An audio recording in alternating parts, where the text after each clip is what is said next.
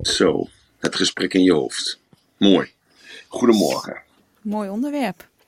Ja, en dat op de maandagmorgen. Nou, dus, uh, weer aan jezelf werken vandaag. wel, dat is wel een ontzettend uh, NLP-onderwerp. Mag ik even storen? Ja, sorry Ron, Ron sorry. Ja, nee, nee, nee, goedemorgen allemaal. Maar ja, goedemorgen, luister, luister goed.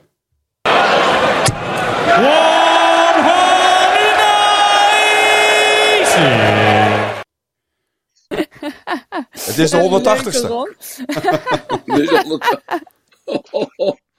oh, ik dacht dat het even een gesprek was in je hoofd. Nee, nee, nee, nee. nee 180ste uitzending. 180ste uitzending. Dat is de helft van het jaar, geloof ik, of zo. Zo'n beetje 365 jaar. Dat is een beetje. Ja, dus, uh, nou, dat is mooi. God, kerel, dat je dat weer opgevallen is. Helemaal super. Nou. Ik ben me weer verder niet mee. Fijn uit. Ja, jij bent, jij bent er weer wakker mee. Nee, nee, hartstikke goed. Hartstikke goed. Fantastisch, fantastisch, fantastisch. Nou, het gesprek in je hoofd. Nou, Marloes, Mirjam, Ron, Michel. Je bent al naar boven toe gekomen. Fantastisch. Zijn er meer mensen die naar boven willen komen? Nou, Marloes, neem het, uh, neem het, het heft in handen. Ik ga het heft in handen nemen. Helemaal goed. Welkom allemaal in uh, de audience en op het publiek al. Welkom Michel al. Uh, we gaan het dus vandaag inderdaad hebben over het gesprek in je hoofd. De uitzending wordt opgenomen. Maar um, wil je meepraten? Vind je het leuk om uh, mee te denken? Vragen te stellen aan Emiel? Schroom niet en steek je hand op. Dan halen we je naar het podium. En mag je actief meedoen aan deze uitzending. En uh, kun je al je vragen stellen en heb je ook nog eens het voorrecht om het onderwerp voor morgen te bepalen. Nou, Emiel. Ja. Ik denk dat je af kan uh, trappen. Is het zo, zo snel? Nou, dat is helemaal Vandaag mooi. Wel. Zijn er, nog meer, zijn er nog meer mensen die naar boven willen komen? Vast, maar we hebben ze nu nog niet gezien. Want het, het gesprek in je hoofd is natuurlijk ook wat. Ja.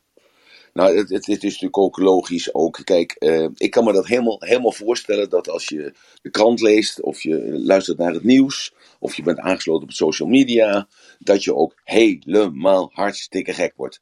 Want het is of het virus, nou daar krijg je natuurlijk ook geen eenluidend antwoord op. Van wie heeft er nou gelijk? Gaan we nou afbouwen? Komen er nog weer varianten op? Uh, uh, heeft, hoe heet het, die gozer van virus-idioterie, heeft hij gelijk? Uh, of heeft Baudet gelijk, of heeft uh, Hugo de Jong gelijk. Nou, natuurlijk, dat zorgt ervoor dat er allerlei gesprekken in je hoofd zijn, allerlei discussies in je hoofd bent als je in je bedje ligt of als je in de auto zit. Nou ja, dan hebben we dat verhaal natuurlijk van Kabul, van Afghanistan. Ja, wat doen we daar nou goed aan om al die mensen die ons geholpen hebben, als Nederlandse, Nederlandse soldaten die ons geholpen hebben, om die erachter te laten met hun familie, of moeten we die laten vermoorden van de Taliban, of valt het allemaal wel mee met de Taliban? Zijn dat heel aardige jongens? Die straks, uh, als ze de baas zijn, gewoon iedereen uh, de vrijheid geven van meningsuiting en alle vrouwen gewoon lekker de universiteit af laten maken. Of weten we gewoon dat we daar een aantal mensen achtergelaten hebben. En ja, dus dan gaat weer zo'n gesprek in je hoofd. We hebben criminaliteit, er gaat geen dag voorbij of we lezen dat iemand aan het mes geregen is door een of andere idioot. Of er wordt iemand ontvoerd, dat blijkt dan achteraf dan fout te zijn. Ja, daar word je natuurlijk ook helemaal hartstikke maf van. Dan hebben we het natuurlijk nog over het milieu, wat we dichtbij meegemaakt hebben met allerlei overstromingen en allerlei dat onze zomer warmer wordt. Nou, dat merk je. Kijk even naar buiten. Uh, ja, wie heeft daar nou gelijk in? Zal het, uh, het, het niveau van de, van de zeeën zal het stijgen? Of uh, is het, ja, of is het gewoon kolder allemaal? Is het weer een een of andere idioterie? Want ik herinner me natuurlijk zelf wel in 1972 dat we de auto moesten laten staan, de autoloze zondag, om dan mee te dragen aan minder uitstoot CO2, zodat we in ieder geval het milieu konden besparen. Sinds die tijd doen we ook allemaal het gescheiden afval inleveren en noemen allerlei andere dingen op. Ja, worden we nou voor de gek gehouden of is het nou werkelijk? Ja, dan kijken we naar de economie. De beurs die staat hoog, de rente is laag, de prijzen stijgen. Ik kan mijn rekening niet meer betalen. Gisteren las ik een artikel over dat de salarissen eigenlijk sinds, feitelijk sinds 1971, ja luister wel wat ik zeg, feitelijk sinds 1971, dus dat is uh, ruim 50 jaar geleden, de lonen eigenlijk niet gestegen zijn. Ja, hoe reken je dan dat? Want we rijden toch een dikke auto en we hebben allemaal een televisie en we hebben toch internet en een zaktelefoon. Ja, hoe kan dat nou? Dat is weer een ander gesprek in je hoofd. Nou ja, en zo zijn er natuurlijk allerlei gesprekken in je hoofd waar je natuurlijk geen oplossing van weet en waar je eigenlijk helemaal hartstikke gek van wordt. En dan hebben we het nog niet eens over je eigen problemen. Dat je gewicht niet afneemt, ondanks dat je geen vet meer eet, alleen maar koolhydraten. Of je hebt het uh, verhaal uh, koolhydraten alleen genomen en geen vet meer gegeten. Ja, wie help je daarbij? Uh, je hebt relatieproblemen, je vrouw wil weg, of je man wil weg, of je kinderen die willen niet meer naar je luisteren. je kunt de rekeningen niet meer betalen. Ja, je hebt allerlei problemen, want je wilt gaan studeren, maar dat kan niet, want ja, je zit met je pensioenopbouw. Nou, weer een ander gesprek in je hoofd. Zo, en, en dat gebeurt er eigenlijk. En ik denk dat Michael en Roelof daar gisteren op geduid hebben op al die problemen die er zijn. En dat je daar hartstikke gek van wordt, Michel en Roelof. Of uh, heb ik dat verkeerd begrepen? Of ben ik de enige die dan zo denkt? Hoi, goedemorgen. Ja, goedemorgen. Um, nou, het is een, een, ontzettend goed topic. Ik weet niet precies hoe uh, Roelof daarin uh, in stond. Ik denk wel, of staat, ja. Ik zelf had het eigenlijk meer over zelfontwikkeling en hoe je alles okay. uh, overdenkt. Okay. Maar ik denk wel dat je dit, uh, wat je nou net allemaal vertelt, dat, dat neem je wel mee in het, in het overdenken. Want soms zie je door de bomen het bos niet meer. Dus het is wel okay. de goede richting, maar niet exact wat ik voor ogen had. Goed zo, oké. Dus jij hebt het meer over interne representatie, over jezelf, dat je uh, bepaalde denkpatronen hebt. En in die denkpatronen raak je verstrikt. En dan voel je je uh, negatief geladen of uh, je komt niet verder in dat, in dat denkpatroon. Dat is een beetje ja. eigenlijk wat jij zegt. Goed, oké, okay, Roelof, wat, uh, wat, wat bedoel jij? Bedoel jij ook de externe omgeving, wat ik net aangegeven heb door middel van media en allerlei uh, invloeden van buitenaf? Of is dat ook een klein beetje wat Michel zegt, dat het gaat om interne representatie? Dat je jezelf negatief maakt, of zelf gek maakt, of zelf depressief uh, veroorzaakt? Want dat is een heel ander onderwerp, dan, dan switch ik daar natuurlijk naartoe. Ja, ja, eigenlijk uh, wat Michel zei, da daar doelde ik ook een beetje op. Want Goed zo. Oh, want op zich, uh, uh, zeg maar die externe, uh, ja, ja. Dat, dat, kan prima handelen. Alleen dat interne, dat is, dat is best wel pittig. Oké, okay, goed. Oké, okay, nou dan is het goed. Dan, dan gaan we daar naartoe. Dan gaan we niet naar de buitenwereld toe. Naar alles wat er gebeurt om ons heen. Dat we dat rustig kunnen parkeren. Dat we daar meester over zijn. Nou ja, dan, dan is goed. Want jullie zijn leidend vandaag. Ja, het is natuurlijk zo dat uh, alles blijft zoals het was. Uh, als je uh, blijft denken zoals je altijd deed. Hè? Dus dat is natuurlijk één, jongens. En dus ja, wat voor technieken kun je daarvoor gebruiken? Hè? Want er zijn een heel veel technieken die je daarvoor kunt gebruiken. Hebben jullie potlood en papier bij, Michel en Roelof, zodat je dat op kunt schrijven? Zeker. Oké, okay, goed, want dat is wel belangrijk. Hè, want jullie weten, mijn stijl van praten is heel snel, heel simpel.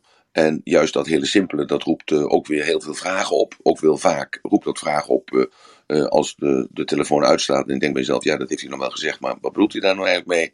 En hoe pas ik dat nou eigenlijk toe? En dus eigenlijk gaat het om één ding. Dat als jij in je hoofd verward bent, en verward wil ik dan duiden op het feit dat je dus niet meer in staat bent om jezelf tot de orde te roepen, om over dat onderwerp gewoon rationeel na te denken. En dat je dus uh, jezelf kwijt dreigt te raken. Heb ik het dan zo een klein beetje verwoord wat er dan gebeurt of zou kunnen gebeuren, Michel Roelof? Uh, wat mij betreft, in dit geval, als het over mij gaat, wel, ja, zeker. Oké, okay, Roelof, is dat ook hetzelfde bij jou? Michel? Van Michel? Uh, nee, ik ben, ik ben wel al een heel stuk verder. Alleen ik, ik ben wel heel gefascineerd in uh, hoe je de ontwikkeling en welke technieken je gebruikt naar je uh, cliënten toe. Want zoals je zegt, er zijn er heel veel.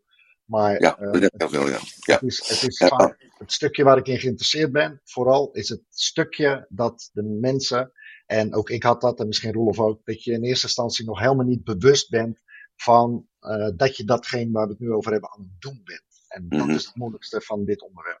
Ja, nou, ik zal een voorbeeld geven eventjes. Er, er kwam onlangs iemand bij mij en die had last van depressies, van wanen en ook van moordneigingen. En niet alleen naar anderen toe, maar ook naar zichzelf toe.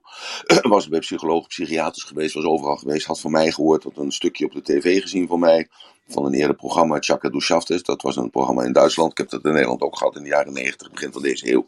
En die kwam bij mij via, via, via.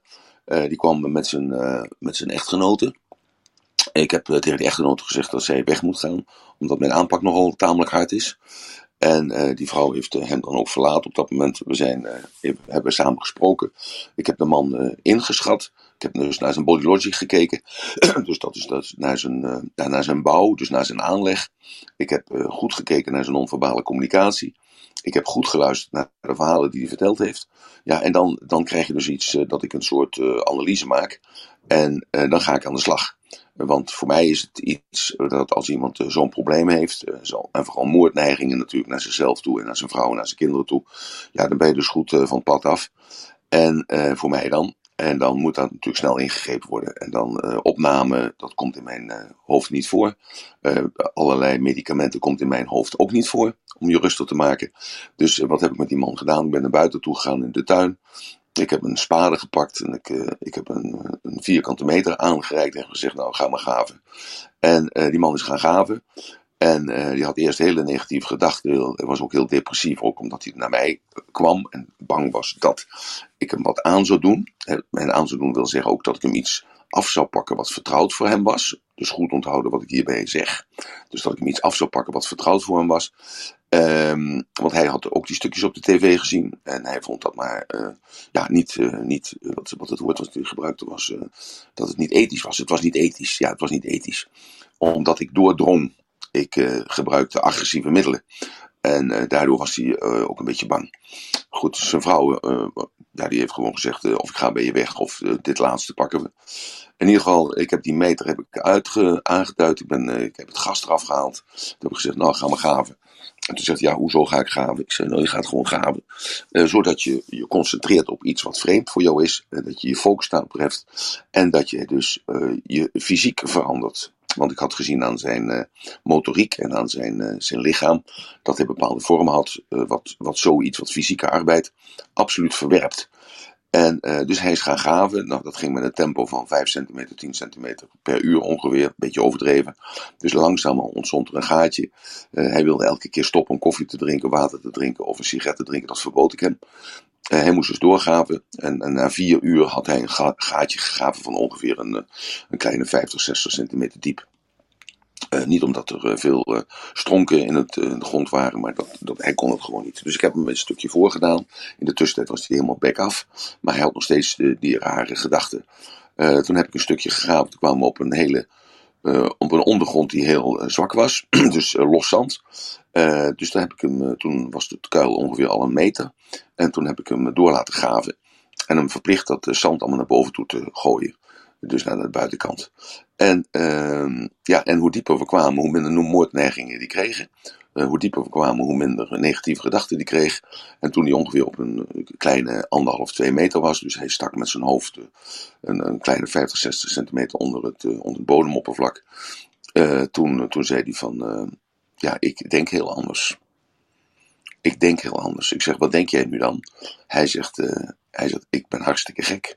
Ik zeg, hoezo ben je hartstikke gek? Hij zegt, ik ben hartstikke gek dat ik hier een gat zat te graven. Ik zeg, nou, nou zijn we waar we weten moesten.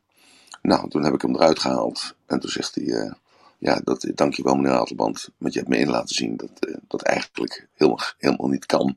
Dat ik denk in zulke negatieve patronen. En hij was er gewoon vanaf. Zo, dat is, dat is een van de aanpakken die ik gebruik. Dus uh, kun je daar iets bij voorstellen? Dat je fysiek zo uitgeput bent. En dat je zo verschut staat. En dat je iets moet doen wat gewoon uh, in jouw hoofd, in je referentiekader onmogelijk is. Maar ik dwing jou daartoe.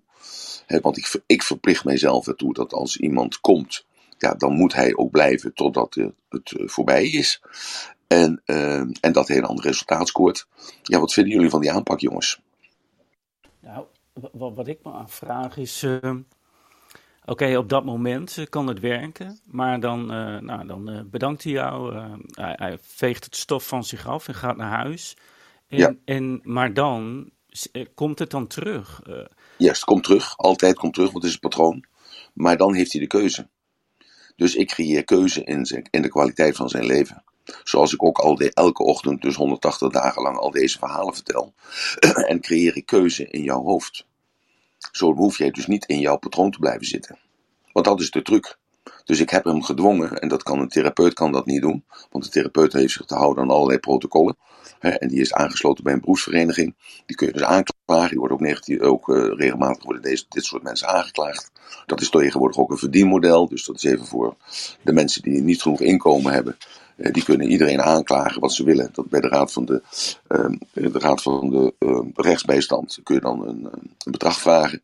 En iemand die jou uh, negatief benaderd heeft, of iemand die jou beledigd heeft, iemand die je op een bepaalde plek heeft aangeraakt, iemand die jou iets aangedaan heeft, en het hoeft niet alleen jou te zijn, dat kan ook via via zijn, maar dat het bij jou terechtgekomen is, wat jij jou aantrekt, die kun je man, die vrouw, die kun je aanklagen bij zijn beroepsvereniging. En als je daar gelijk in gesteld wordt, dan kun je aantonen hoeveel uh, fysieke of emotionele schade jij geleden hebt. En dat kun je dus verkapitaliseren in een bepaald bedrag. Omdat je niet hebt kunnen werken of niet hebt kunnen doen en laten wat je zelf wil. En dan kun je een bepaald bedrag uh, creëren.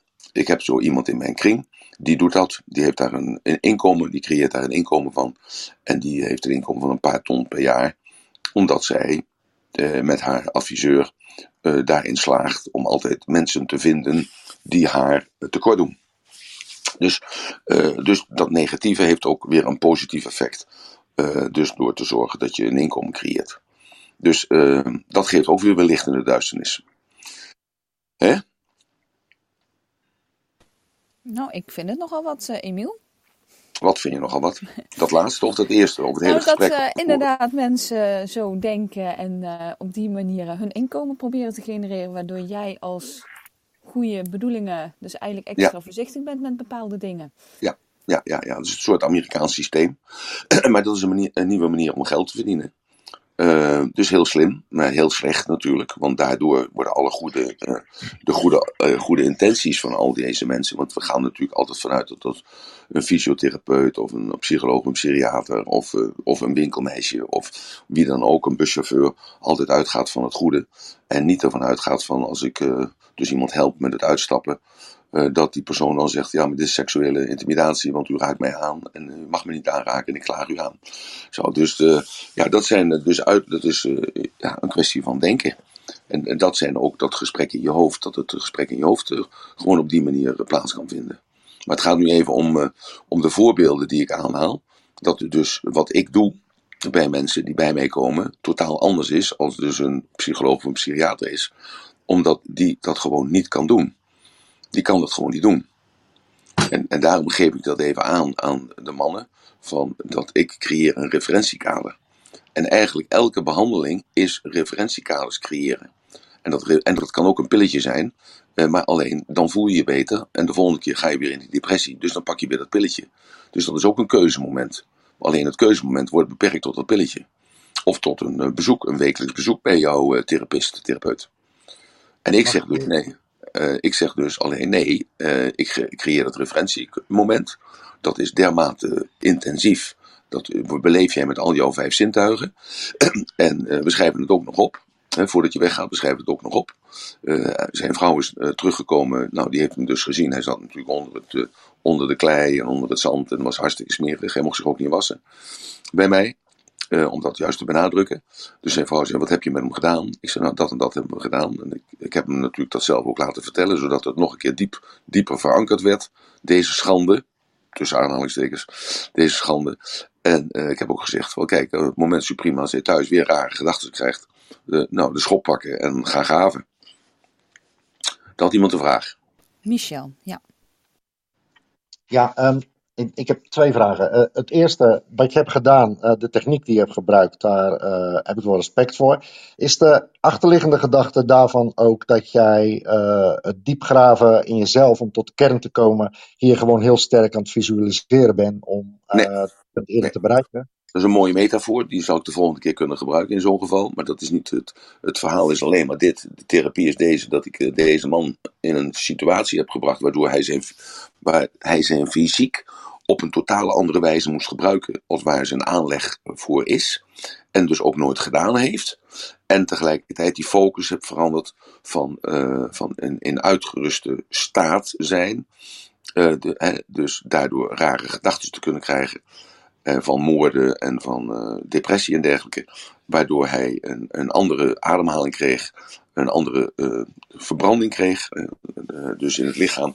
En daardoor andere gedachten kreeg. Dus, dus de, de, ja, hoe noem je dat nou? Um, ja, gewoon zo, zodat van binnen er een andere um, chemie ontstaat door iets externs. En dat billetje wat je krijgt, dat zorgt ervoor dat er dus intern iets verandert. en daarom wijs ik dat ook af. Eh, dat, uh, dat pilletje, want je bent afhankelijk van dat pilletje. Daarom wijs ik ook koffie af, of sigaretten af, of drugs af. Omdat het iets externs is, waardoor jij dan afhankelijk wordt van iets. En uh, voor jou is dat dan normaal, maar de tijden kunnen veranderen. Bestendigheid is de illusie van elk tijdperk. Dus je, dus je denkt, dat blijf je altijd kunnen doen en altijd kunnen kopen. Maar de situatie zou wel eens kunnen zijn dat als morgen de Russen binnenvallen en er is oorlog in Nederland, ja, dat je die pillen niet meer kunt krijgen. En dat realiseert men zich natuurlijk niet. Dat zijn de mensen diezelfde die uh, een stukje van hun darmen af laten knippen, omdat ze niets kunnen stoppen met het eten. Dus zo'n bypass operatie. En dan moeten ze de rest van hun leven moeten zij een aantal vitaminepreparaten blijven eten. Omdat die anderhalve meter darmen die je losknipt of de wegknipt, dat die verantwoordelijk is voor een aantal vitamines die opgenomen worden in de stofwisseling. Dat weten de meeste mensen niet. Maar um, ja, dan ben je dus afhankelijk van die pilletjes. En, uh, ja, en als je die pilletjes niet meer krijgt, dan ga je gewoon dood. De meeste mensen weten dat niet. Maar zo zit dat. En daarom ben ik uh, wars van elke afhankelijkheid van wat buiten je ligt. Je moet dus in staat zijn om je eigen depressie weg te kunnen praten. Je moet in staat zijn om je eigen negatieve stemming, om die dus weg te kunnen halen. Want anders uh, ben je afhankelijk van een arts of een therapeut of van een pilletje of van iets wat buiten jou ligt. En als die persoon of uh, dat pilletje of dat drankje of die compensatie wegvalt, ja, dan ben je echt gewoon de klos. Emiel, mag, mag eens wat vragen over. over... Ja. Dus, dus in, wezen, in wezen zeg jij, tenminste wat ik, wat, wat ik ook kan begrijpen, is dat je als je met een bepaalde gedachte in je hoofd zit, en uh, dan, dan, um, dan zit je ook echt in je hoofd en dan voel je in wezen je lijf niet meer. Want ja, uh, ja dat, dat, dat, die, die, die, die uh, gedachte is zo sterk. En ja. dat, dat een van de tools die jij dan gebruikt, is dat je een soort van fysieke um, vertaling ingeeft. Of, of, of ja. Ja, oh, ja. dat kan ik wel begrijpen, dat dat kan helpen. Dus, dus ik breng jou, kijk, ik kijk naar mensen, kijk bijvoorbeeld naar de lengte van de hals en de lengte van de nek. Ik zal het daar 11 uh, september ook uitvoerig over hebben. Daar zit dus een correlatie in, er zit een verband in tussen depressie en de lengte van de nek en de lengte van de hals. Dat is heel interessant. Uh, alleen mensen zeggen dan, is het wetenschappelijk bewezen? Nee, het is niet wetenschappelijk bewezen, maar je kunt het wel zien. En het is altijd waar. Hetzelfde met homeopathie. De wet, homeopathie is wetenschappelijk niet bewezen. Kan men wetenschappelijk ook niet bewijzen, omdat het namelijk in dat hele flesje wat je koopt zit maar één molecuul werkzame stof in. Hoor wel wat ik zeg. Dus in één flesje zit één molecuul werkzame stof.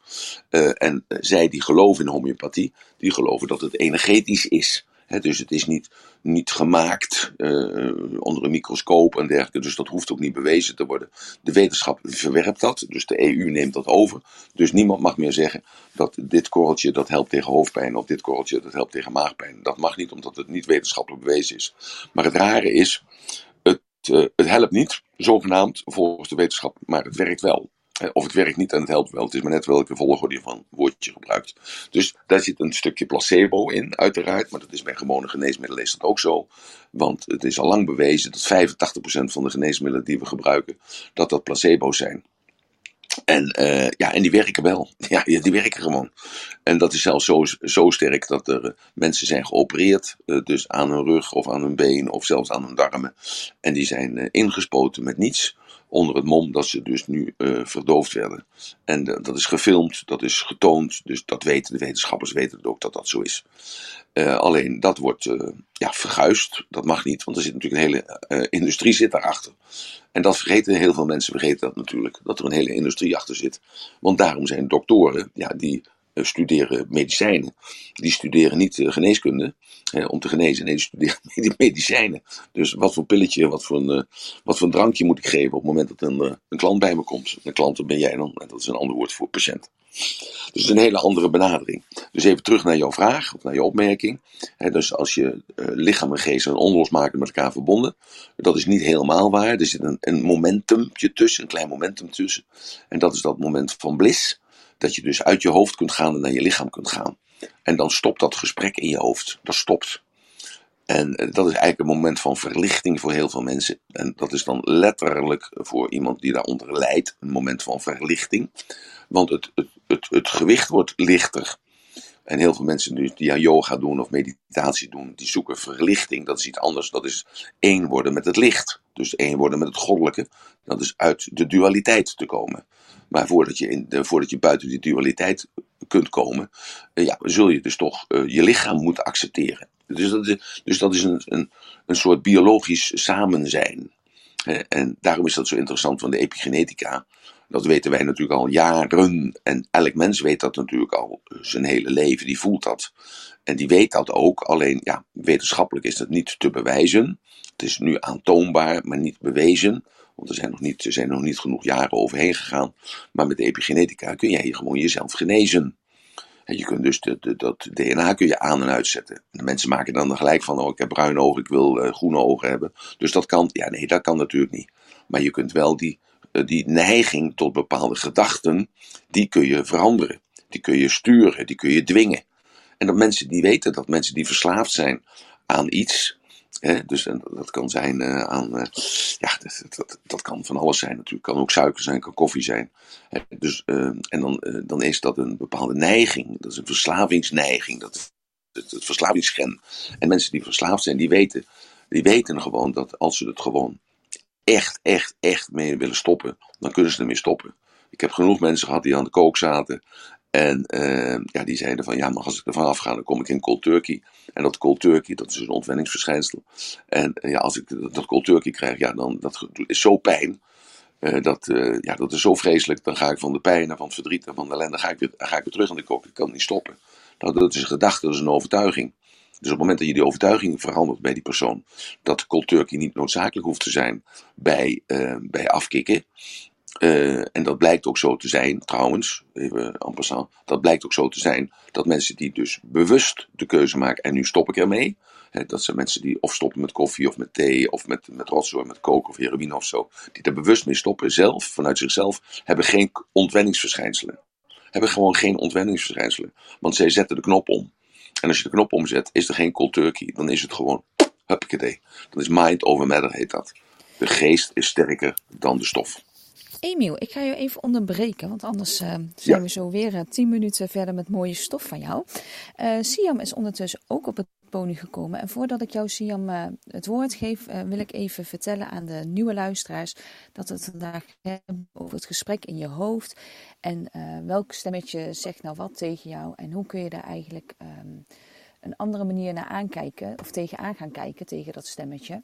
En eigenlijk heeft Emiel net een heel mooi voorbeeld gegeven van iemand die heel depressief was en die heeft die fysiek echt een gat laten graven. En doordat hij het fysieke ging doen, kom je uit je hoofd en ga je anders tegen je eigen dingen aankijken. Even in het kort samengevat. Siam, jij kwam naar boven, dus jij zal vast een vraag hebben. En voor anderen die uh, eventueel iets bij willen dragen, mogen natuurlijk ook een handje opsteken. Goedemorgen. Goedemorgen. Uh, hey, Emiel, twee, dingetje, twee dingen. Uh, het eerste is voor mij ook nu wat je verteld hebt, dit onderwerp is herkenbaar, maar ook gewoon duidelijk. En ik leer hier zeker van. Dat is één. Ja. Uh, want we hebben het hier vaker over gehad.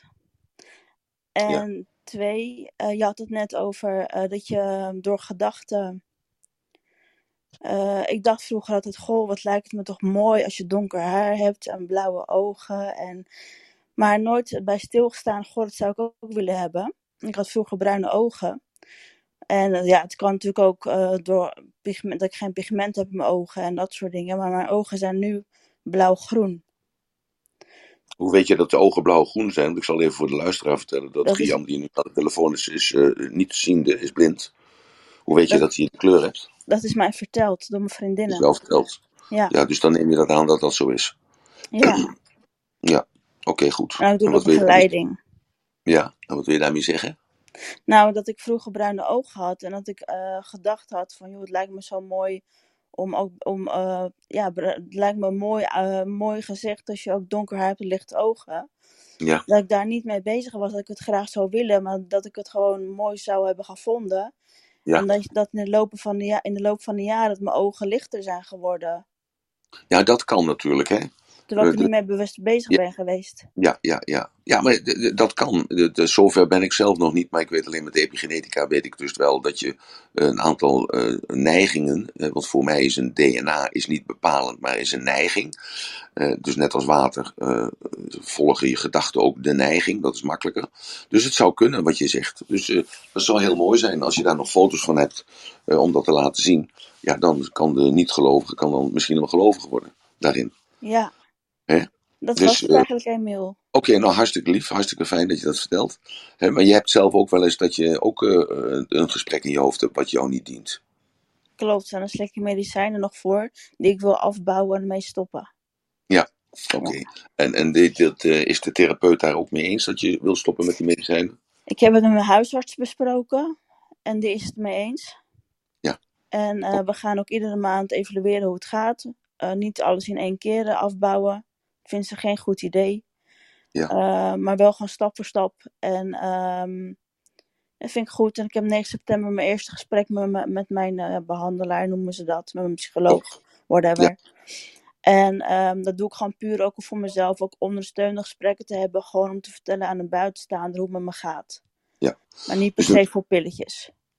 Dus dat pilletje wat ze nu aan het afbouwen is, hè, dus, dus, mm -hmm. dus dat verander ik gelijk weer in iets simpels. Eh, dat is dus dat haar fysiek ook langzamerhand verandert. Want haar fysiek is gewend aan dat pilletje wat ervoor zorgt dat ze bepaalde gedachten niet krijgt. Of dat, ze, dat de bloedtoevoer uh, naar bepaalde delen vermindert of juist vermeerdert. Ik weet niet hoe zo'n pilletje werkt, dat wil ik ook niet weten. Uh, ik weet in ieder geval wel dat uh, met zo'n pilletje je fysiek verandert. En uh, daardoor kan je gewicht toenemen. Uh, kun, je, ja, kun je iets zwaarder op de hand worden of juist iets lichter op de hand worden. dat, dat, en als je dat pilletje afbouwt, dan verandert je fysiek ook.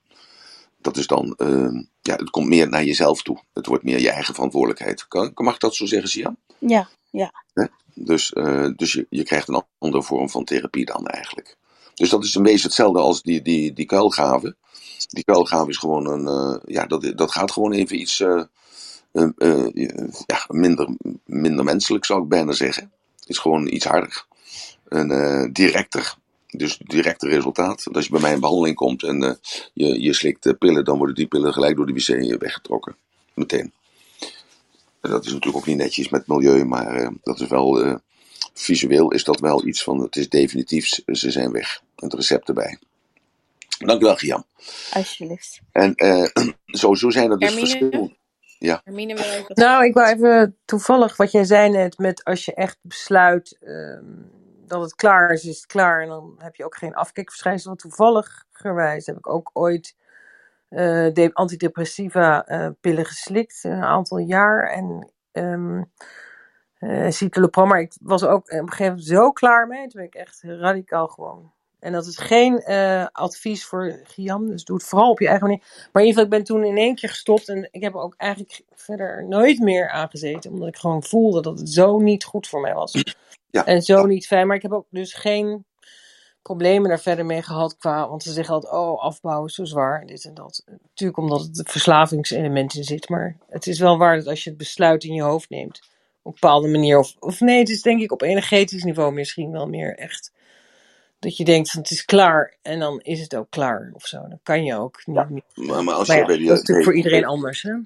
Nee, Emine, het is bij iedereen hetzelfde. Alleen als je met dat verhaal bij de psychiater komt dan, en je hebt het over energetisch, die kijkt jou aan en die denkt bij jezelf, nou we moeten nog een extra pilletje in stoppen. Ja, maar daarom ga ik dus, ook niet daarheen.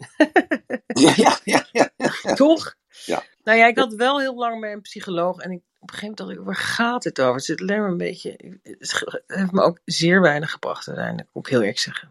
Nou, ik denk niet dat dat zo is. Ik denk dat dat zeer zeker wat brengt.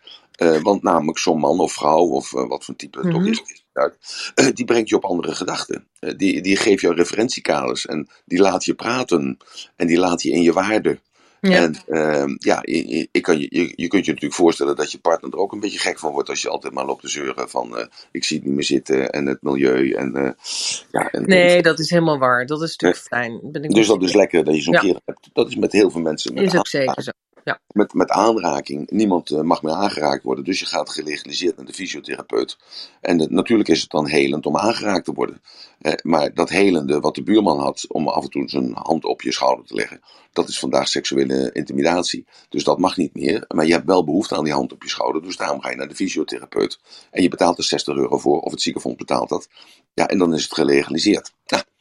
Dus uh, het, het, het in wezen hetzelfde. We hebben allemaal natuurlijk een fysieke aanraking nodig. Dat, dat, je bent een, een, sociaal dier. Hè? Je en bent, een luisterend oor. Ja. ja, en een luisterend oor. Dus al die modaliteiten hè, waar we uit bestaan, wat in ons denken zit, ja, dat heeft behoefte aan respons. Het heeft behoefte aan, aan aanraking. En, ja. Dus uh, je hebt ook behoefte om eens een keer iets afwisselends te eten. Het, het moet niet altijd hetzelfde zijn. We hebben dat uh, van de week ergens toch benoemd dat ik zei van als je twee, drie weken bent in een, uh, in een resort met all you can eat. En dat je er elke dag hetzelfde menu krijgt. Ja, dan bemerk je na drie keer dat het elke maandag uh, hetzelfde spaghetti is. En elke dinsdag is het dezelfde uh, varkenslapjes. En woensdag is het uh, nasi-dag of zo. Ja, en dan begin je er ook van te kotsen. Omdat het altijd hetzelfde is. En maak je het thuis, ja, dan gooi je er eens een keer iets minder vlees. Of minder groente. Of meer rambo sambo in. En dan smaakt het anders. Dat is afwisselend. Dus, dus die afwisseling moet er ook zijn. En we, we proberen nu alles een beetje te, te, te, te, te leg, leg, legitimeren. Nee, dat is het foute woord. We pro, proberen alles te standaardiseren. Dat is het woord. We proberen alles te standaardiseren, waardoor we dus alles voorspelbaar is. Waardoor alles, uh, dat we dus het gevoel hebben dat we alles uh, in controle hebben. En daarom worden die berichten die we horen van buitenaf, die worden steeds intenser, omdat alles steeds beter georganiseerd is. Dus we worden steeds gevoeliger in, die, uh, in, in datgene wat ons overkomt. Dus in plaats van dat we verder van huis, in plaats van dichter bij huis komen, doordat we al die problemen oplossen, komen we steeds verder van huis, want we worden steeds overgevoeliger voor zaken waar we niets aan kunnen veranderen. En laatst volgens mij was Ron dat die Stephen Covey, uh, Covey erbij haalde. En dat Stephen Covey is een van de seven habits is, uh, bemoei je niet met zaken die buiten jouw invloedssfeer liggen, want daar kun je toch niks aan doen. Dus een hele wijze, wijze, een, wijze, een, een, wijze advies is dat. nou, uh, Roelof, heb jij daar iets aan als ik dat vertel over die man die dat gat gegaven heeft? Waardoor hij dus in een fysieke andere staat kwam. En door die fysieke andere staat uh, ja, was hij zijn aandacht, aandacht werd in één keer gericht op zijn lijf. Want hij kreeg geen adem meer. Hij zweette als een otter. Hij werd vies, hij werd smerig, hij had dorst. Hij kreeg natuurlijk geen water van mij. En uh, ja, hij voelde zich vernederd en terecht. En uh, ja, dat, het was een lichamelijk iets wat er gebeurde waar hij nog nooit in geweest was. En ja. hij kreeg geen tijd om erover na te denken, want ik stond daarboven uh, figuurlijk met de zweep van doorgaven jij. Hoe komt het? Waar komt de volgende schep vandaan? Ja. Nou ja, ik, ik, kan dat heel goed voorstellen. Maar even, als ik dan een, bijvoorbeeld een voorbeeld zou noemen. Ja. Want, want ik zit even te denken, hoe kan ik dat uh, zelf dan praktisch toepassen? Um, want uh, ik kan niet iedere keer uh, een afspraak met jou maken van, hey, kun je me helpen of zo. Dus dat gaat niet. Dus dan moet je het zelf doen. Uh, Heel dan... simpel toch? Heel simpel toch? Op het moment supreme dat jij de neiging krijgt om negatief te zijn. En jij weet voor jezelf wat negatief is. Dan zet je aan de buitenkant zet je een vlaggetje. Je hebt twee vlaggetjes, dat is rood en dat is groen. Bijvoorbeeld. En groen is dat je positief bent en rood is dat je negatief bent. Ik noem maar wat, weet je wel. Dus ja. twee dingen. Nou, dus het, uh, het groene vlaggetje staat daar. Dus iedereen in jouw omgeving weet van, nou, je bent aanspreekbaar, je bent objectief, je bent een aardige vent. Ja, nee, ik, ja, ik weet niet veel wat voor werk je doet. Ik weet ook niet wat voor relatie je zit. Een heel uh, mooie manier, ik zie het al voor me. Dus ja, nou goed, nou, ja. dus je, je, gaat al in het visuele, nou mooi. Dus op het moment dat je denkt, hey, dat gaat fout, of met het verkeerde been in bed gestapt, of, uh, nou, dan ga je jezelf ook al herkennen, denken van, hey, ik had dat uh, vorige week ook. Maar hoe komt dat nou? Ik heb uh, s'avonds tot s'avonds laat uh, naar een voetbalwedstrijd gekeken. Misschien ligt daar het wel in dat ik 's morgens dan verkeerd mijn bed uitstap. Zo. Dus normaal gesproken moet je daar 12 sessies bij de psycholoog gaan. En nu heb je twee keer van vlaggetje veranderd. Dus dan zet je dat rode vlaggetje er neer. En een rood vlaggetje is dat je niet meer aanspreekbaar bent. Je trekt je gymschoenen aan en je rent naar buiten. En je rent net zo ver totdat je uitgeput op de grond valt. Kijken hoe je gedachte nog is. Ik denk dat je naar die kantoor kruipt. En dat je dat vlaggetje van rood weer verandert in groen. Ja, ja ik, ik vind het echt mega interessant. Want in wezen, uh, zou je met alle, alle negatieve zelfpraat die je hebt, uh, zou je kunnen zeggen, ik moet dat op een of andere manier, en daar mag je best wel creatief in zijn, want die vlaggetjes vind ik heel erg leuk. Ja. Dat zou ik zo doen. Maar uh, dat je uh, dat je in plaats van in je kop blijft, in je hoofd blijft en daar uh, alsmaar die, die zin laat voorbij komen. Dat je zegt van hé, hey, fysiek, fysieke, fysieke actie haalt mij daaruit en daarmee um, uh, ben ik er in eerste instantie van af. En, maar ik vraag me dan wel af, bijvoorbeeld ik heb een terugkerende gedachte en dat is bijvoorbeeld um, als ik echt succesvol word, dan word ik ziek. Maar hoe zou ik daar dan mee omgaan? Kijk, een overtuiging. Dat, dus als je dat denkt, dan is dat een overtuiging. dus die overtuiging die moet je dan veranderen. En daar zijn natuurlijk ook heel veel dingetjes voor om dus die gedachten die je hebt, waarvan die jij ervaart als negatief, om die te veranderen. Dus als jij denkt dat. dus wat was de overtuiging? Wat was de gedachte? als ik echt succesvol word of echt veel geld ga verdienen, uh, dan, uh, dan, dan overkom iets. Dan word ik okay. ziek of zo. Wat, wat, is de definitie van echt succesvol voor jou? Ja, nou ja, goed, dat, dat, dat ik echt in het licht durf te staan, zeg maar. Dat ik mijn cursussen durf te promoten en, en, en dat ik weer onder de mensen kom en, en, en misschien als een spreker daar sta. Ja, ja zoiets. Ja. Dat, dat, vind ik dan succesvol. Dat je gewoon lekker jezelf kan zijn, maar dat je andere mensen kan helpen, andere mensen kan inspireren. En, um, dat, en dat er ook een, een, vast inkomen, stroom, inkomstenstroom tegenover staat. Ja. En hoeveel is dan echt rijk? Wat is dan geld? Heel veel geld? Uh, ja. ja. Bijvoorbeeld ja, 30.000 euro per maand of zo. Ja. Of, of 10.000 euro vind ik ook al wel uh, ja, ja, prima. Ja, en stel nou voor dat het waar zou zijn wat je zegt. Hè? Dus dat je morgen, volgende maand, die 30.000 op de bank hebt. En dat je dus gewoon in het licht hebt gestaan. En uh, je bent eindelijk daar gekomen waar je nog 40 jaar aan toegewerkt hebt. ja, en daarna val je in elkaar en val je dood. Hoe zou dat dan zijn? ja, dat zou mooi lullig zijn. uh, ja, dat, nee, ja, hoe zou dat zijn? Ja, dan houdt het op. Ja, dan houdt het op. Is het probleem toch opgelost of niet? ja. Ja, nou ja, dat, zo kun je het zien. Nou, dan moet je eerst even uitvinden of het zo is. Ja, eh, hoe bedoel je dat? Zoals ik het zeg. Dus je moet eerst even uitvinden of het zo is. Dus ga eerst eens aan de slag, ga je cursussen promoten. En ga er eens even voor zorgen dat je twee, drie maanden achter elkaar 30.000 euro uh, omzet hebt of uh, inkomen hebt. En dan gaan we kijken met jou hoe het dan gaat. Oh ja. oh ja.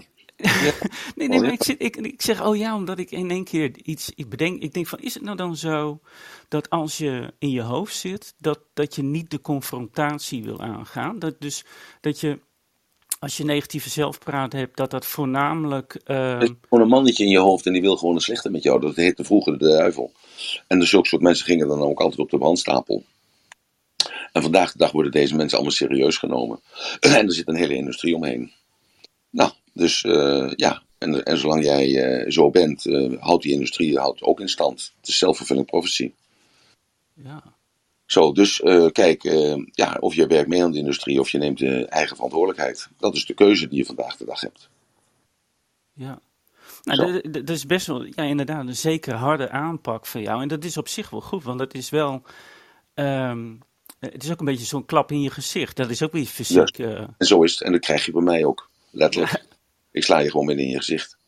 Kijk, luister, kijk nou even, gebruik nou even je verstand. Kijk even om je heen met die vaccinaties. En kijk met, met de COVID. Is het ernstig, is het niet ernstig? Is het uh, gevaarlijk, is het niet gevaarlijk? Komen er varianten, niet varianten? Moet je laten vaccineren, moet je niet laten vaccineren? Alles is vrijblijvend. Dus er moet gewoon iemand opstaan die zegt: jongens, maar luister, iedereen moet zelf weten wat hij wil. wil je vaccineren? Is goed. Wil je niet laten vaccineren? Is ook goed. Wat zijn de consequenties? Nou, volgens mij zijn de consequenties als jij je niet laat vaccineren, zijn de consequenties dit. Uh, volgens mij zijn de consequenties als je wel laat vaccineren, zijn deze die. Nou, dat moet gewoon duidelijk naar buiten toegebracht worden dan neemt iedereen, mag daar dus dan gewoon een beslissing over nemen. Dat, dat neemt hij wel overwogen. En de consequentie is dat als je je niet hebt laten vaccineren, dan krijg je geen behandeling in het ziekenhuis. Hoor je het Rutte al zeggen? Nee, maar het zou wel verhelderend zijn voor heel veel mensen. Exact, precies, exact. Want mensen, heel veel mensen zijn er nog niet aan toe om eigenhandig een beslissing te nemen. Die kunnen dat niet, die hebben dat niet geleerd. Dat is verantwoordelijkheid nemen voor. Dus op het moment Supreme dat Rutte dit zou zeggen, dan ontstaat er dus een, een, een ja, dat, die discussie hebben we dus al van, ja, mensen die zeggen van, ik wil niet gevaccineerd worden. Nou, dat is oké voor mij betreft, ja. En die mensen zeggen, ja, maar luister, maar dan heb ik geen pasje en dan kan ik de kroeg niet inkomen. Dat is discriminatie. Oh, godverdomme, toch je bek dicht, man. Hou op met de gelul. Dat is de consequenties van je daden. Excuseer dat ik even zo even grof was. Zo. Dus dat, ik wil even zeggen, er moet duidelijkheid zijn. Dus als er duidelijkheid geschapen wordt, kun je duidelijke beslissingen nemen. Jij houdt jezelf voor de gek door dat te zeggen. Daarom zeg ik, probeer het eens even uit. Het dus het dat de gedachte die je hebt bevestigt, de angst die je hebt om de confrontatie aan te gaan. Dus er zal iemand moeten zijn die jou helpt om die confrontatie aan te gaan. En dat is een heel ander, andere aanpak dat past helemaal niet vandaag de dag. Want jij hebt ook je eigen verantwoordelijkheid. Je hebt ook je eigen keuzemogelijkheid. Je mag ook zelf beslissen. Zo, het is toch te gek voor woorden dat twee mensen die genetisch uh, uh, verkeerd in elkaar zitten, dat die met elkaar een kindje mogen maken. En daardoor dus een 100% zeker wetende, ook een genetisch fout kindje creëren. En dat komt dan ten koste van de gemeenschap. We hebben het over milieu, dan hebben we het over, uh, over zingeving, dan hebben we het over uh, allerlei ethische vraagstukken. Dat ethische vraagstuk is gelijk opgelost. Maar er is niemand die die beslissing durft te nemen, want het is politiek. Kijk naar mevrouw Kaag, kijk naar meneer Rutte, kijk naar meneer Klaver, kijk naar meneer Baudet, kijk, naar, kijk maar allemaal. Er is niemand die gewoon een statement maakt. Dus, dus als, je, als zij al geen statement maken, hoe zou jij dan een statement kunnen maken? Dus een autoriteit. Het dus een voorbeeld die gekozen is door 40, eh, 50.000 man die daar in de Kamer zit. Of die dus dan uh, minister-president is of zo. En die maar blijft wishy-washy praten. Dus gewoon je gezonde verstand blijven gebruiken. Ik gebruik dan mijn gezonde verstand. Michel wilde ook reageren, Emiel. Ja, ik wilde even terugreageren op uh, een stukje ontwikkeling waar uh, Roelof het over had. Um, ik ga het niet allemaal opnieuw opnoemen. Maar soms uh, stagneert dat. En ik kan een voorbeeld geven. Uh, in mijn tijd dat ik uh, mezelf aan het ontwikkelen was, was ik heel druk met werk, maar ook heel druk met vergaderen. En dat waren bijeenkomsten met de politiek. En dan, dan kom je binnen, maar je voelt dat je vibraties niet goed zijn. Want je bent je eigen al bewust aan het worden van je eigen processen. En dat is al een hele stap. Mhm. Dus ik zeg tegen iemand daar van weet je wat, ik voel me eigenlijk niet zo prettig. Ik uh, ga liever naar huis en ik lees de notulen wel. Ze zei nee dat kan niet, je bent belangrijk, je moet erbij blijven. En, dus ik bleef erbij. En een half uur later had ik uh, hoogoplopende ruzie met uh, een, een, aantal ambtenaren. En dan baal ik daar gigantisch van, omdat waar ik nu naartoe wil is dat ik vind dat in een nieuw systeem als jij gewoon uh, wel bewust bent, je bent sociaal, je gaat goed om met cliënten, met klanten, met vrienden of familie. Maar als jij in je zelfontwikkeling zit en je voelt dat je niet mag komen of niet, beter niet kan gaan omdat dat uit gaat draaien op niks, dan vind ik dat dat stukje van de maatschappij dat zou moeten accepteren. Maar dat wordt niet geaccepteerd.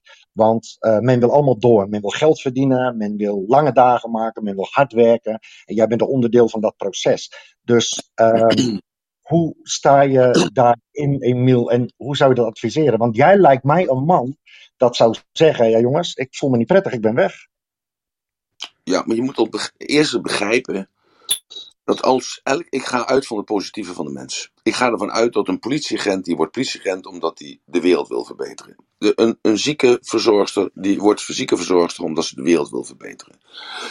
een, een, iemand die gaat werken bij de Raad van de Kinderbescherming, die gaat werken bij de Raad van de Kinderbescherming omdat zij gewoon een verschil wil maken bij kindertjes die verlaten worden of kindertjes die mishandeld worden. Nou, maar ik kan me ook voorstellen, en dat is dus gewoon een feit, dat het werk van dit soort mensen bestaat voor 60, 70 procent aan vergaderingen. Dus zij voelen zich niet lekker daarbij, want ze zijn gepassioneerde hulpverlener. Dus, en met dat soort mensen heb jij te maken. Dus die mensen die voelen zich al niet helemaal lekker, want dat zijn gepassioneerde hulpverleners. En ze zijn 60, 70 procent van de tijd zijn ze aan het vergaderen, waar ze niet voor ingehuurd worden. Nou, dat is eigenlijk het antwoord van de vraag. Het is een systeem. Het is een systeem waar je in zit. En natuurlijk, mensen zorgen altijd voor systemen. Want ja, we zijn van, van uiteindelijk van jager zijn we ook verzamelaar geworden. dat is ook een systeem. We zijn van systeem veranderd. En daarna zijn we naar de industriële maatschappij gegaan. Toen zijn we naar de diensten, maatschappij gegaan. Dus dat doen we gewoon. We maken er een systeem van. Dus we zitten momenteel in een systeem wat niet helemaal accordeert meer met de gedachten van heel veel mensen. En er worden al heel veel uitzonderingen gemaakt. Kijk naar het aantal geslachten wat er momenteel is. Er zijn 73 soorten geslachten. Ja, dus hoe specifieker kun je nog zijn? En uh, ja, goed, uh, ik zeg wel eens vaker tegen mijn kinderen, ik ben blij dat ik, uh, dat ik 72 ben. en geen 45, dat ik mijn bedrijf zou op moeten bouwen. Ik zou er niet aan moeten denken. Maar goed, dat is een persoonlijke mening. Dus dat is eigenlijk het antwoord op de vraag, Michel. Um, ik, ik ben er snel klaar mee. En um, ik, ik laat het ook horen en daarom heb ik ook weinig vrienden. en zeer zeker in, in zulke soort organisaties. dus ja. Maar we hebben het over het, het, gesprek in je hoofd. Hoe kun je dat gesprek in je hoofd, hoe kun je dat stroomlijnen? Zodat je in vrede met jezelf kunt leven. Dat is eigenlijk een beetje. En dat is, dat is een keuze. In mijn optiek is dat een keuze. Ik heb dat net even laten zien. Dat die meneer die depressief was, die wilde niet depressief zijn. Want uh, de straf die erop stond dat zijn vrouw hem alleen zou laten. Dat zijn kinderen hem zouden verlaten. En dat hij dus in een inrichting zou komen. Dat wilde hij zelf dan ook niet, dat laatste stukje. En daardoor wilde hij die vernedering wel meemaken om bij Ratelband uh, uh, dus een soort behandeling te ondergaan. En dat is met succes is dat gelukt. Die man die is bevrijd van alle problemen en is nog steeds gelukkig met zijn vrouw en met zijn kindjes. En hij loopt niet meer bij de psycholoog, psychiater en andere hulpverleners. Dus het gaat bij mij altijd om het resultaat. Dus ik wil graag hierover blijven praten dan vandaag. Dat jij een aantal dingen hebt om dus die, dat gesprek in je hoofd te sturen. Ik zal er een aantal opnoemen, omdat de tijd te kort daarvoor is. Maar dan kun je er zelf mee aan de slag. Dat is als eerste het bewustzijn van wat wil jij eigenlijk? Uh, wat, wat wil ik? Wie wil ik zijn? Wat wil ik doen? Hoe wil ik bekeken worden? Hoe wil ik behandeld worden? Zo, dat is één. Als je dat dus voor jezelf opschrijft, dan, uh, dan ontstaat er al rust in het hoofd. Hè? Dan ontstaat er duidelijkheid in het hoofd. Ik heb het altijd over die duidelijkheid. Want duidelijkheid dat zorgt ervoor dat je dus verder kunt zien. En als je verder kunt zien, dan zie je ook de consequenties van je daden. en als je de consequenties van je daden ziet, dan krijg je dus uh, ook een gedachte op dit moment van, ja, dat, dit moet ik dan ook niet doen, want de consequenties van mijn daden zijn eigenlijk niet prettig. Zo, dus dat is de helderheid die in je hoofd komt. Dus dat is uh, de focus van wat wil je. Nou, dan is het de vraag veranderen de veranderde vraag. dus als ik, ik heb zo net gezegd van, eh, je leest de krant of je kijkt naar het NOS-journaal of wat dan ook. En daar word je dus heel on, ongeduldig van en heel ongelukkig van. Zoals er heel veel kinderen zijn momenteel die zich druk maken over het milieu. hoe moet dat vandaag over 20 jaar als ik afgestudeerd ben? Of uh, over 40 jaar als ik ook getrouwd ben, zoals jij, papa en mama. En hoe moet dat dan? Maar dat zijn kinderen van, van 6, 7 jaar. Die worden daarmee belast. Dat, je, mag je kinderen helemaal niet mee belasten. En, en kinderen van 12, 13 jaar mag je daar ook helemaal niet mee belasten. Uh, dus uh, die kinderen maken zich druk om, om allerlei zaken waar ze geen enkele invloed op uit kunnen oefenen. En, en horen wel dat de wereld aan het vergaan is. Als we vandaag dus dat niet en dat niet doen. En dan komt er een mevrouw uit Zweden, die Greta Thunberg. Ja, en die vertelt dan ook nog aan kinderen op een kindermanier uh, van wat wij moeten doen. Want anders dan vergaat de wereld. Terwijl men dat meisje ook in mag schatten dat ze ook uh, neigingen heeft gehad of heeft of zal krijgen in de toekomst. Nou, dus verander de vraag bij jezelf. Wat wil je zijn? Wie wil je zijn? Dus dan richt je die focus daarop. Verander je fysiek. Verander de modaliteiten waarin je denkt. De modaliteit waarin je denkt kan zijn, eh, kan zijn visueel. Kan, dus je hoort mij vaak praten in de visuele moed. Daardoor praat ik snel. Daardoor praat ik uh, van plaatjes af en filmpjes. Uh, dus verander die modaliteit. Want als je dus in de kinesthetische modaliteit zit, dan, dan moet je jezelf met je. Ja, bijna is dat onmogelijk. En dan heb je daar een psycholoog voor nodig. Die kun je dan met je haren, die, die trek je uit de modder. Maar je moet jezelf met je haren uit de modder trekken. Dat kan ook even op dat moment als er geen hulp is. Of je gaat naar het auditieve. Dus verander die modaliteit. Verander je omgeving. Dat wil zeggen, verander jij je perceptie over die omgeving. In plaats van dat het uh, vijandig is, maak je het uh, een vriendelijke omgeving. Dat kun je doen door middel van submodaliteiten te veranderen in jezelf. Door middel van de stemming te veranderen in jezelf. Door middel van de overtuiging te veranderen in jezelf. En, en uh, verander dat wat binnenkomt. Dus sluit af. Doe de deur dicht. Wees een, een, een, een, een bewaker voor je eigen deur. Dus wat komt er binnen? Alleen het mooie mag binnenkomen, het lelijke mag niet binnenkomen. En, en denk elke keer bij jezelf, ja, als ik blijf zoals ik, uh, zoals ik was, en ik blijf ook zo denken zoals ik deed, ja, dan blijf ik ook uh, de mens die ik nu ben. Dus verander je je interne representatie, dan verandert ook je overtuiging. En verandert je overtuiging, dan verander jij. Dus het is een, een, een proces waar je continu in zit. En waar je nu over kan denken van ja, wat, dat is zo gigaveel, waar moet ik beginnen? Um, ja, het maakt niet uit waar je begint. Het gaat erom begin. Dat is hetzelfde als uh, je wilt afvallen. Ja, begin. Ja, waar moet ik dan afvallen? Ja, en studeer nou niet uh, vijf dagen op wat voor dieet dan ook. Stop nu met suiker in de koffie nemen. En stop met blokjes kaas te eten s'avonds om 11 uur. Ja, dus, want jij weet het wel waar je mee moet stoppen. Ik heb een vriend die is 40 kilo afgevallen. En waar is die 40 kilo van afgevallen? Door te stoppen met chocola te eten. Had hij dan veel chocola? Ja, hij had 4 kilo chocola per dag. Nou, dus hij wist heus wel waar hij dik van geworden werd. Was. Uh, alleen hij had eventjes niet het inzicht en de moed om te stoppen met het eten van chocola. Totdat er dus op zijn pad iets kwam waarvan hij dacht, ja, als ik dat kwijtraak, ja, dan, uh, ja, dan verlies ik mezelf. En toen is hij van de ene dag op de andere dag gestopt met chocola en is dus 40 kilo afgevallen binnen een jaar. Emiel, we hebben Mark op het podium gekregen. Die Mark. Uh, wil vast een vraag stellen of iets toevoegen. Mark.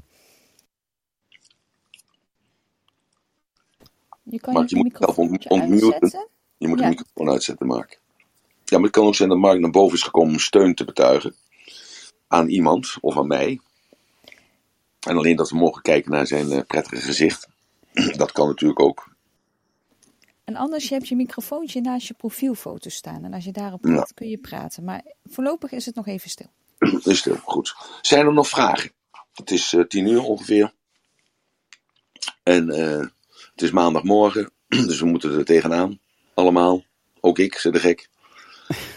Nou, wa- wa- wat ik, eh, wat, wat ik wel, eh, zeg maar, wat me opvalt in jouw manier van aanpak, is dat jij niet eh, bijvoorbeeld de diepte ingaat. Dat je wil eh, achterhalen waar komt die gedachte van, waar, waar, Ja. waar liggen de diepgaande, eh, eh, waardoor wordt het veroorzaakt, misschien is het wel zus Ja. of zo. Daar Ja. ben jij niet van. Jij zegt van nee, ik ben van de praktijk, ik ben van het nu, ik wil het aanpakken, krijg klap in je gezicht, eh, maak actie nu en ik ga niet met jou terug naar het verleden. Ja, precies. En weet je waarom ik dat niet doe? Omdat ik zeg, het gaat om nu. Dus op het moment dat jij jou nou nu, nu op dit moment goed voelt, door die klap in het gezicht, omdat je denkt bij jezelf, ja, wat flik je me nou en je wil me terugslaan, dat is, wat, dat is helemaal perfect. Dat is de juiste reactie. Ja, dan kom jij dus, dan verandert je focus. En dan komt die angst, of dan komt niet die angst meer in je lijf, maar dan komt dus de moed in je lijf. En dan denk je, ja, maar jij slaat mij niet in mijn gezicht, ben jij nou helemaal belazerd, bla bla bla bla bla. Ja, dus dat gebeurt er dan met jou. En dan creëren we dus een referentiekader dat je dus de keuze hebt. Want je schijnt dus wel de keuze te hebben. En jij was dus vergeten in de depressie dat jij de keuze had. En dus in dat moment van euforie kunnen we teruggaan naar het verleden. En in dat moment van euforie kunnen we dus tot de conclusie komen dat je dus zo gedeformeerd bent geworden. Omdat jouw moeder jou in de box liet zitten gedurende drie, vier uur. Terwijl jij dus uit de box wilde. Ik noem maar even een voorbeeld. Ja? Nou, en dan kunnen we dat gaan bekijken. En dan kunnen we dan praten over jouw moeder, die jou dus drie, vier uur gemarteld heeft om jou in die box te laten zitten. En dan kunnen we dus gewoon met een gezonde staat van mind, kunnen we daarover praten. En ga jij begrijpen, ja, dus eh, jouw vader had jouw moeder verlaten. Je moeder moest de kost verdienen. Ze had een winkeltje. Ja, en er was een klant, een hele grote klant. En die zorgde ervoor dat je 500 gulden kon krijgen dat moment. Maar ze moest wel vier uur met die klant praten. Nou, en als jij dat nu dan kunt beluisteren, dan ga jij begrijpen waar jij die belemmerende overtuiging vandaan hebt. Dat je bang bent dat je dus eh, doodgaat of eh, wat dan ook als je geld gaat verdienen. En dan ga je dat allemaal in een ander perspectief zien, omdat je perceptie veranderd is op dit moment. Enkel en alleen maar omdat je in een stemming van moed bent, in plaats van dat je in de stemming van angst bent. Nou, is dat duidelijk als ik dat zo zeg? Ja, oké, maar, maar dan zeg je in wezen wel, ik wil best wel teruggaan eh, om te kijken waar het misschien eventueel vandaan komt, maar niet als jij in een, een staat van in je hoofd bent of, of depressief bent. Dan krijg je Nee. eerst een klap in je gezicht, Ja. en bij, bij wijze van, zodat je de moed verzamelt en vanuit die sterke positieve energie kunnen we de zaken bekijken. Juist, exact. Want het heeft geen enkel zin, omdat namelijk eh, datgene wat jij beleeft, hè, dus dat is extern, maar ook intern, altijd een bevestiging is van jouw overtuiging. Dus Nu hoor je me wel, of niet? Ja, Mark, je bent er. Even één seconde, Mark, dan ben je aan de beurt. Dus, eh, dus Roelof, dus alles wat je meemaakt is altijd een bevestiging van je overtuiging. Kijk naar de discussie over het virussen. Kijk naar de discussie over eh, politiek. Naar de discussie over milieu, over eh, econom- economie, over criminaliteit. Iedereen kijkt daar anders naar. Waarom? Want iedereen heeft daar een andere overtuiging over. En die overtuiging krijgt een bevestiging. Dus, dus wat er nu gebeurt in Afghanistan, bijvoorbeeld, hè, dus nu de, de helpers van de Nederlandse soldaten, die blijven achter. Dus die worden hoogstwaarschijnlijk vermoord. Nou, dan als jij uh, overtuiging hebt van, ja, maar ze hebben hun, hun arbeid verkocht aan geld toen dat tijd. Dus ja, dat zijn de consequenties van je daden. Dus waarom zouden wij nog voor jou moeten zorgen? Dus zoek je het even zelf uit daar in Afghanistan. Dat is heel iets anders als dat je denkt bij jezelf, of dat je zegt bij jezelf, of een overtuiging hebt van, ja maar luister, we hebben één keer een dienstverband aangegaan met ons. En dat schept ook verband, dat schept ook verplichtingen naar de toekomst. Dus we kunnen die mensen niet achterlaten. We moeten die mensen meenemen. Begrijp je dat, Roelof? Ja, ja, zeker. zeker. Wel iets waar, wat ik gewoon denk van, uh, die laat ik even inzinken. Maar ik, ik, ik snap het eigenlijk. Eigenlijk is het heel simpel. Maar, het is ook uh, heel simpel. Het is ook heel simpel. Dat, is, dat, dat zijn we er toch. Als je nou dat gaat bedenken, dat het heel simpel is, dan is de oplossing ook heel simpel. Ja, prachtig. Ja, nooit, nooit zo bekeken. Ik maak, ik, want ik heb, gisteren had ik ook nog even een room, een soort van forum. Um, en, en, waarbij ik, ik, iedere keer zeg, ik ben zo complex en ik, ik vind het zo fijn om te versimpelen. En dit, dit is ook weer een manier dat ik denk, het is zo simpel. Maar ik, ik zie echt wel dat het, dat het, dat het kan werken. Dus, uh, down, ja. down. Dus niet chunk it up, chunk it down. Dus heel veel mensen hebben de neiging om het, om het groter te maken. En hoe groter het beest wordt, dus als je gaat praten over vroeger, dan wordt het beest wordt groter. En hoe meer je gaat graven, hoe meer het gaat stinken.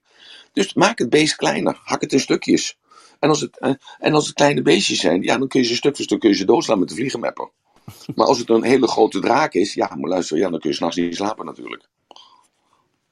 Ja, nee, helemaal nou, duidelijk. Oké, okay, we gaan naar Mark. Mark, sorry dat het zo lang duurde, kerel. Nou ja, lag ook een beetje aan mijn eigen techniek natuurlijk. Maar goed, um, nee, ik moest toch even terugkomen op het simpele feit dat je dan zo even tussen neus en lippen door zegt ja, en als Rutte straks zegt dat je het ziekenhuis niet inkomt, dan omdat je niet gevaccineerd bent, dan maak je een keuze. Dat is natuurlijk per definitie niet waar. Het gaat over gezondheid. Ja. Want de gezondheid wordt al jaren en uh, dag verkwanseld in de Nederlandse samenleving. Daar wordt nooit wat aan gedaan. Dus een overtuiging. Uh, uh, ja, nou ja, goed, precies. Ligt natuurlijk aan wat je er zelf mee doet. Ja, ja, ja. ja. Uh, ik drink ook al heel lang geen uh, suiker meer in de koffie. Ondanks dat ik dat heel lekker vind, omdat ik weet dat het voor mijn gezondheid beter is. Je wordt toch een dagje ouder, maar goed. Ja. Dat, dat is allemaal niet de zaken doen. Als wel, dat, uh, je kunt de samenleving niet optuigen zoals je die nu aan het optuigen bent. En je gaat een tweedeling, zijn ze echt wel heel erg aan het inzetten nu. En dan gaan, zijn inmiddels toch ook al bijna 500 mensen geregistreerd bij het LAREP overleden na vaccinatie, waar je eigenlijk helemaal niet zoveel van hoort. En er zijn inmiddels al honderdduizend bijwerkingen gemeld. Het is een experimenteel vaccin. Je weet absoluut niet waar dit gaat eindigen, hoe het gaat eindigen voor mensen die gevaccineerd zijn. Dus het is een roekeloze exercitie, die nooit met ons gemeenschapsgeld zo uitgevoerd had mogen worden. En daar allerlei restricties aan te gaan Mark. binden, is gewoon te, te kort door de bocht. Dus ik kan bijvoorbeeld jou, nee, maar dat is wel. Ja, maar Mark, we zijn wel on topic. We willen wel gewoon bij het gesprek ja, nee, blijven. En hij maar dat, even, ja, nee, dat snap ik, dat snap Maar er wordt even tussen neus en lippen door gezegd. En dan denk ik, nee, want Nee, je maar je wordt hebt je uitgesloten, uitgesloten Mark, van nee, het Mark. volgende seminar. Mark, nee, dus dat Mark. is wel duidelijk. Mark, je hebt je punt gemaakt. Maar dus, ik zeg niet dat ik het niet met jou eens ben. Het enige wat ik zeg is dit. Je hebt de bevolking. Daarboven, we hebben gekozen voor een bepaalde structuur. Eh, de structuur is, als je naar een ziekenhuis toe gaat, dan moet je je eerst aanmelden. Dan moet er een ponskaartje van je gemaakt worden. En dan ga je in een bepaalde molen. Dat is een Klopt. structuur waar we wat we afgesproken hebben. Hè? eh, jij bent, eh, je bent chirurg, zeg maar. En we hebben afgesproken, je gaat eerst naar de huisarts. De huisarts die stuurt je door naar de specialist. En dan kom je bij die chirurg. Nou, daar hebben we voor afgesproken. We hebben bepaalde afspraken in het land gemaakt. En die afspraken, daar ben je het wel of niet mee eens. Ik ben het met heel veel afspraken natuurlijk niet eens. Eh, maar er zijn bepaalde syst- systematieken, daar moet je je aan houden. Wil je dus dat geheel wil je kunnen laten functioneren. En dat in dat geheel worden fouten gemaakt. Bij mij thuis worden fouten gemaakt. Er worden bij jou thuis fouten gemaakt. In jouw bedrijf worden fouten gemaakt. In mijn bedrijf worden fouten gemaakt. Inherent aan het menselijk functioneren. Zo, we proberen natuurlijk vanuit eh, onze controledrift proberen we die fouten zo klein mogelijk te maken. Nu, en nu even terug naar de vaccinatie. Er zijn doktoren, medici, professoren, hoogleraren, allerlei mensen die daarvoor gestudeerd hebben. En die zijn het niet met elkaar eens. De een komt op de televisie en die zegt uh, vaccinatie helemaal fantastisch. De ander komt op de televisie of niet op de televisie, die heeft een breed uh, social media platform gecreëerd. En die zegt, uh, je moet je niet laten vaccineren, want over drie maanden ben je dood. Want, en daar komt... Nee, maar wacht, wacht even, wacht even. Nee, maar, nee, maar wacht, één, één ding. Eén ding en dan houden we erover op. Nee, één ding, dan houden we erover op. Nee, weet je wat het... Nee, het is een experiment. Het is pas... Ik blokkeer je. Nee, het, Mark, ik het blokkeer, gaat pas... Ik blokkeer je. Ik blokkeer nee, je. Ik haal je eruit. Ik haal je eruit. Jij mag... Ik kreeg hem niet een mute, sorry. Jawel, maar dan haal je hem eruit. Heb ik nu gedaan. Oké, okay, goed. Dus we moeten ons houden, Mark, aan bepaalde regels. En dat is, jij mag zeggen wat je wilt. En ik mag zeggen wat ik wil. En als dat dus niet gebeurt, dan, ja, dan houdt het op. Want dan, dan stopt de discussie. Dus dan stopt hier de discussie. Heel jammer, want het is namelijk een ontzettend interessant topic, wat ook duidelijkheid vereist. En daar gaat het namelijk om. Het gaat om dat als de wetenschappers het niet met elkaar eens zijn, of de politici zijn het niet met elkaar eens, dan moet er duidelijkheid geschapen worden. Want wie is er verantwoordelijk uiteindelijk voor de consequenties? Daar gaat het om. Oké, Mark, sorry, neem me niet kwalijk. Je hoort ons wel, maar je zegt nog niks meer. Uh, ik hoop uh, dat, we, dat je, je hebt mijn nummer, je kunt mij bellen, je kunt me mailen en dan kunnen we altijd over de telefoon daarover nog even over praten, kerel. Uh, zijn er nog vragen? Michel, is Michel weg? Roelof ik zie Michel nog, maar... Oh, ik zie hem niet. Oh ja, toch, ik zie hem wel. Zijn er nog vragen? Ik had zelf eigenlijk wel iets om even te duiden misschien nog. Ja. Um, de meeste gesprekken in mijn hoofd gaat erom dat ik eigenlijk innerlijk weet dat bepaalde dingen niet helemaal lekker lopen. En dan gaat mijn ratio er overheen. En doordat je het dan allemaal wil beredeneren, blijf je in zo'n vicieuze cirkel zitten. Ja. En ik denk dat jij dat dus doorbreekt door te zeggen van hè, als je in je hoofd zit, of in je, uh, dan ga je fysieke arbeid doen, dan kom je los van je hoofd en kun je er weer helder tegen aankijken. Maar hoe kun je sneller dat proces eventueel kantelen? Door een, uh, een beslissing te nemen waar je bang voor bent en toch te doen. Dus even, je hoort mij praten tegen Roelof. Uh, uh, hij heeft een bepaalde overtuiging die niet dienend is, want hij komt daar niet verder mee. En eh, met bedrijfsmatig niet, financieel komt hij niet verder daarmee. Ehm, en ik geef hem een, over, een overweging door te denken, hoe zou het zijn als hij het wel zou doen. Dus ik geef hem een compelling future. Waardoor dus die vaste overtuiging dat die angst die er is, waar hij vanuit uh, opereert, dat die angst uh, naar de achtergrond gaat. Zoals hetzelfde geldt voor jou. Dus bij twijfel niet inhalen is een negatieve, uh, negatieve overtuiging. Dus als jij aan de ene kant wilt, je wilt veranderen, je voelt dat het niet goed is. Aan de andere kant denk je bij jezelf, ja, rationeel gezien is dat onverstandig, want wat zijn de consequenties van mijn daden? Je moet het toch doen. Je moet het forceren. Je moet gewoon forceren en het doen ongeacht wat de consequenties zijn. Omdat je dan uit die stuk state komt, hè, die komt dus uit die vaste, uh, uit die va vastigheid van, uh, van, uh, van, van onevenwichtigheid. En doordat je dus uit die stuk state komt, dan creëer je weer ruimte. En in die ruimte waar je komt, moet je nieuwe beslissingen nemen. En aan het eind van de dag ben je heel ergens anders beland als dat je hebt kunnen voorspellen nog positief, nog negatief. Maar je bent wel uit die stuk state. En je hebt weer een nieuw referentiekader gecreëerd om weer vanuit te kunnen werken. Dank je. Oké, okay, Malika is nog ingekomen, zie ik. Klopt. Ja, goedemorgen. Um, als de kinderen me met rust laten. Um, ik had even een vraagje. Um, hoe, hoe uh, doe je dat als buitenstaander? Want uh, mijn moeder is uh, al jaren, kampt al jaren met een chronische depressie. En dat komt en dat gaat. En dan, dat is dan kan het gaan, weggaan, twee jaar weggaan. En dan weer is, zit ze er heel diep in, ineens. Er, er gebeurt iets instant, soort van.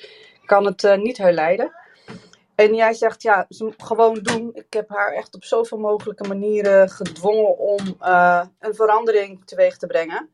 Um, waaronder ook, toen, ze, ze slikt geen medicatie gelukkig, uh, jaren geleden wel. Toen heb ik het ook een keertje, was ik een keertje thuis, heb ik alles door de wc gespoeld. geen slimme actie volgens haar huisarts, maar als ik al die bijwerking lees, denk ik nou, sorry, maar dat is echt niet iets wat ze moet slikken. Maar dat is een andere discussie.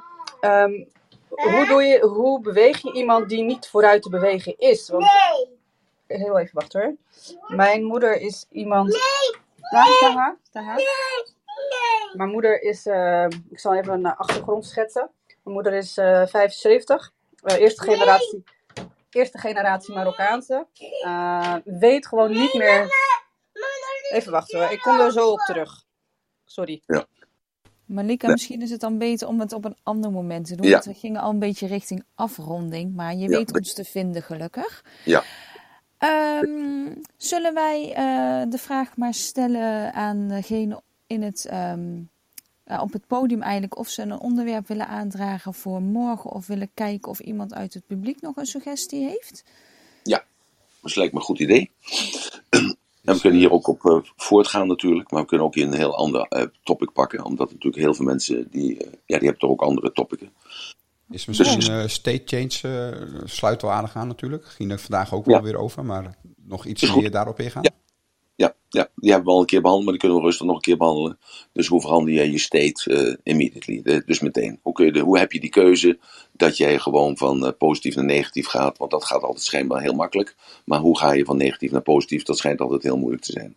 Terwijl dat juist het, eh, precies hetzelfde is, maar dan omgekeerd. En we moeten natuurlijk even oppassen, want ik wil dan toch een klein beetje op Melika ingaan. Dat is namelijk dus dat wij niet moeten pretenderen dat wij de wijsheid hebben voor de ander.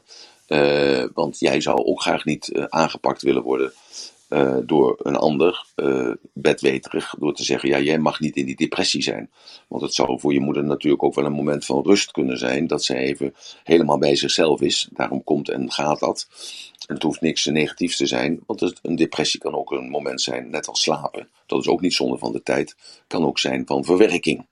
Kan ook. Als het dan maar tijdelijk is. En, natuurlijk, eh, en zoals je dat mooi zegt, Malika, het komt en het gaat. En dat is met gestelde tijden en dat, dat duurt nog een paar jaar. Maar daar, daar kunnen we het morgen wel weer over hebben als de kindjes rustig zijn. En eh, als we het onderwerp state, eh, state management hebben. Een goed idee, Ron. Dat gaan we morgen doen. Tenminste, als dan Hermine, Roelof en Mirjam en Marloes het een klein beetje daarmee eens zijn. Ik vind het een mooie aansluiting. Maar Roelof, jij? Nee, nee, ja, ik vind het ook eh, ju- juist een mooi vervolg. eh. Goed, Ja, top. eh, ja. Ja, ik ook. Oké, goed. Nou, helemaal fantastisch. Het ratelbandje voor vandaag. Het is maandag, dus weer de eerste dag van de werkweek. Eh, focus je nou eens even op al het positieve van vandaag. Focus je nou eens even op die klanten. En denk nou eens even bij jezelf. Nou, als die klant. Sorry jongens, wacht eventjes. Dat eh, werd gebeld wat niet mag. Wat ook niet kan, want ik heb dat geblokkeerd. Dus ik snap er helemaal niets van. Dus mijn focus was even daar waar die niet moest wezen. Dus ik, eh, ik zou jullie willen vragen, eh, besteed nou tijd en aandacht aan je bedrijf. Besteed nou aandacht en tijd aan die klanten. Besteed nou aandacht en tijd gewoon aan je collega's. Besteed nou tijd en aandacht aan mensen die om je heen zijn. En stel je nou eens gewoon zelf eens de vraag, hoe zou het nou zijn als er een klant binnenkomt en die wil wat kopen en ik verkoop hem met dubbele hoeveelheid als dat hij voor binnen is gekomen. Hoe zou dat nou zijn? Welke euforie zou dat teweeg brengen? Niet alleen bij jou, maar bij je collega's en bij, ook bij je werkgever. en dat zou ik je willen geven als ratelbandje. Stel jezelf nou eens een doel wat eigenlijk onmogelijk is, maar waarvoor jij gaat. En ik ben ervan overtuigd dat je dan helemaal gemotiveerd bent, de hele dag door. Want de dag duurt natuurlijk tot vanavond 11 uur 59. 23 uur 59. Een mooie dag en tot morgen waar we het gaan hebben over state management.